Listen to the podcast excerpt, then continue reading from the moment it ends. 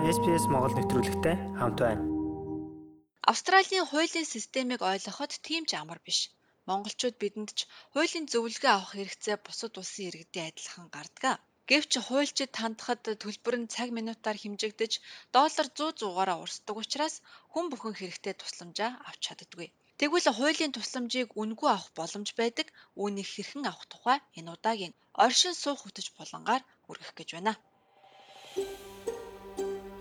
Хүмүүст хуулийн янз бүрийн хэрэгцээ байдаг. Зарим нь хуулийн зөвлөгөө мэдээлэл авах хэрэгтэй байхад зарим нь шүүхийн өмнө өөрийгөө төлөөлөх өмгөөлөгч хуульч хэрэгтэй байдаг. Энэ хэрэгцээнээс хамаарч өөр өөр байгууллагууд төрөл бүрийн үйлчилгээ үзүүлдэг юм а. Legal Aid Commissions гэж би за хэрв танд хууль ёсны төлөөлөгч хэрэгтэй байгаа бол энд хандаж болно.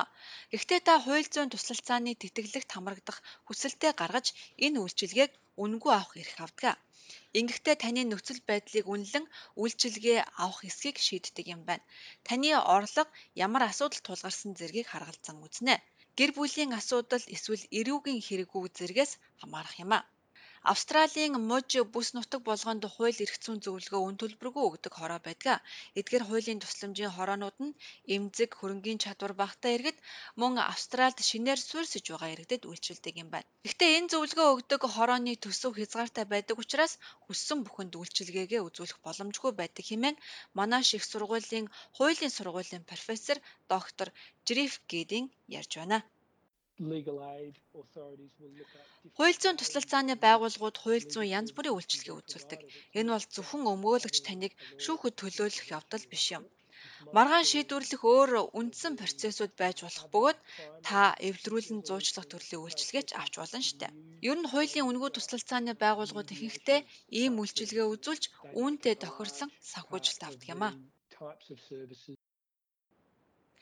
Энэ байгууллага нь хуулийн туслалцаа, хуулийн талаарх мэдээлэл өгөхөөс гадна Австральд амьдрахад хэрэгтэй хуулийн тайлбаруудыг ч өгдөг юм а. Ихэнх дундаж орлоготой хүмүүс ч энэ үйлчилгээг авах эрхгүй байдаг хэмээн Сидней их сургуулийн хуулийн сургуулийн профессор Саймон Райс ярьж байна. Тэрээр 2020 оны 7 дугаар сараас 21 оны 5 дугаар сарын хооронд Австралийн үндэсний эрх зүйн туслалцааны статистик мэдээнд дүн шинжилгээ хийж үзжээ. Ингэхдээ эдгээр үнэгүй үйлчилгээний 65% эрэгтэйчүүд 33%-ийг эмэгтэйчүүд авсан байхыг анзаарсан байна. Хуульч авах боломжгүй, үнэгүй үйлчилгээж авах боломжгүй хүмүүс олон байдаг. Хуулийн тусламж үзүүлэх санхүүжилтийн ихэнх нь эрэгтэйчүүдэд зориулагдсан нь эндээс харагдсан. Тэдний ихэнх нь эрүүгийн хэрэгт орооцолдож хуулийн үйлчилгээ авсан байдаг. Энэ төрлөөр эмэгтэйчүүдээс 5 дахин их үйлчилгээг эрчүүд авч байна. Харин эмэгтэйчүүдийн хувьд гэр бүлийн хуулийн үйлчилгээ авдаг. За энэ төрлөөр эрэгтэйчүүдээс 2 дахин их үйлчилгээ авсан байх юм а. Харин зээл, ажил эрхлэлт, түрээс зэрэг бусад төрлийн үйлчилгээг эрэгтэй эмэгтэй ялгаагүй ижил хэмжээний авсан байна. Үндсэндээ эрэгтэйчүүд эмэгтэйчүүдээс 2 дахин их хуулийн үйлчилгээ авдаг гэж болно. Хуульцсан үнэгүй зөвлөгөө авах бас нэг байгууллага бол Community Legal Centers гэж байдаг. Австрали даяар хараат бус ашигын төлөө биш хуулийн зөвлөгөө өгдөг 170 орчим ийм байгууллага ажилтг юм байна. Тэд хуулийн мэдээлэл, давлгаа, хууль эрх зүйн боловсрол олгож зөвлөгөө өгдөг, мөн хэрэг дээр ажиллаж төлөөлөгч үйлчилгээ үзүүлдэг юм байна. За Австралийн орон нутгийн байгууллагуудын толгой байгууллагын CEO Насим Аранж ярихдаа олон нийтийн хуулийн төвүүд тухайн тохиолдол бүрээр нь ямар хууль эрх зүйн туслалцаа үзүүлэхээ шийддэг юм байна. Гэр бүлийн хүчирхийлэлд өртсөн англиар ярьж ойлгох чадваргүй, хөгжлийн бэрхшээлтэй, өндөр настай, сул дорой эсвэл 18 нас хүрээгүй зэрэг нөхцөл байдлыг бид харгалзан үздэг. Бид энэ хүн өөртөө тусалж чадах уу? Өөрийгөө энэ байдлаас авч гарч чадах хүн мөн үү гэдгийг өөрөөсөө эхлээд асуудаг. Ингээд боломжгүй гэж үзвэл шаардлагатай тусламжийг тэр хүмүүст үзүүлдэг. Гэсэн ч Community Legal Centers хандсан хүн бүр ядчил хууль эрх зүйн мэдээлэл өөртөө туслах их сурвалжийг олж авах боломжтой байдаг. Аргентин гаралтай нэгэн эмэгтэйтэй бид ярилцлаа.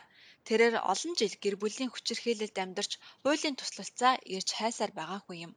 Тэрээр өөрийн нэрээ нууцлахыг хүссэн бөгөөд SBS түүнийг Мария гэж нэрлэлээ. Би янз бүрийн хуулийн зөвлөгөө өгдөг газруудад очиж үзсэн. Бас олон нийтийн хуулийн төвүүддэж очиж байлаа. Гэхдээ үнэндээ сэтгэгдэл тийм ч сайнгүй байна. Заавал цаг авч нэг цаг үйлчлүүлэх эрх авдаг. Гэтэл энд ажилтдаг хүмүүстэй ойлголцоход амаргүй. Тэд жирийн хүнд ойлгохдохооргүй хүнд мэрэгжлийн үгүүд хэрэглэж ярьдаг. Тэгээд яг юу яриад байгааг нь ойлгохгүй, яхаач мэдэхгүй л үлддэг. Women's Legal Service Victoria буюу Victoria мужийн эмэгтэйчүүдэд зориулсан хуулийн үйлчилгээг үзүүлэх төв гэж бий. Энд салалт, хүчирхийлэл зэрэг харилцаатай холбоотой асуудалд үн төлбөргүй тусламж үзүүлдэг. Энэ төвийн CEO Helen Matthew-тэй бид нар ярилцлаа. Энэ төвөнд бас л санхүүжил сургалц гэдгээсээ хамаарат маш цөөн эмэгтэйчүүдэд тусламжаа үзүүлэх боломжтой байдаг юм байна.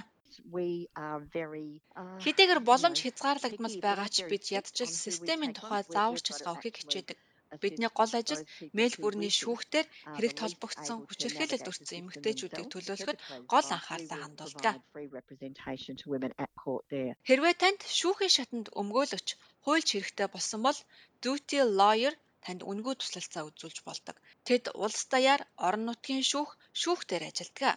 Энэ үйлчилгээ үнгүй байдаг ч нэг л өдөр тантай ажилдаг. Гэхдээ таны хэргийн нөхцөл байдлаас хамаарат дараагийн нэг өдөр ажиллах тохиолдол бий. Австралийн эрүүгийн шүүхтээр хуулийн мэрэгжилтэн таныг төлөөлөх ёстой.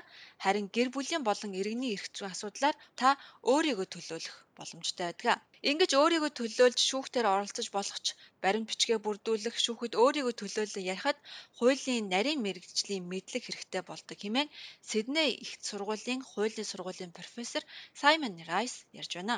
Generally speaking, the courts Ерөнхийдөө шүүхтээр өөрийгөө төлөөлөн оролцох боломжийг шүүхийн талаас бүрэн олгох. Гэхдээ энэ бол тийм ч амар биш штэ. Хуулийн өндөр мэдлэг хэрэгтэй. Хоёрдугаарт шүүх бол шүүх ажиллагаа нь маш маргаантай байдаг. Өөрөөр хэлбэл таны эсрэг талд байгаа хүмүүс таныг ялахын тулд бүхнийг хийж байгаа энэ үед та өөрөө бэлэн биш бол энэ ажиллагаа тийм ч амар биш шүү дээ.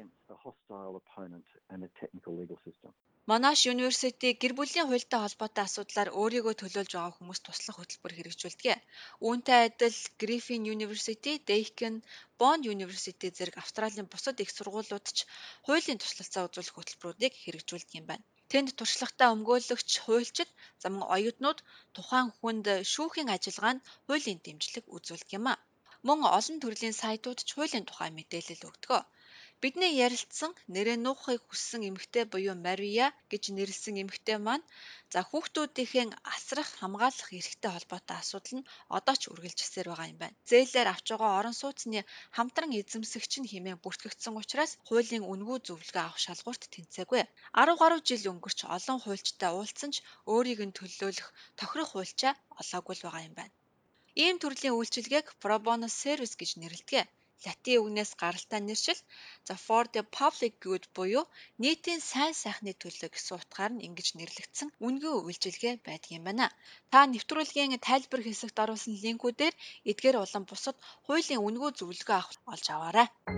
SBS одоо тэл дээрх хөтөлбөр өнөөгийн Австралийг хэрхэн тусгаж байгааг бид нэгтлэн үзэж байна. Та дэлгэрэнгүй мэдээллийг sbs.com.au/consultation сайтаар 11-р сарын 12-наас өмнө орж аваарай.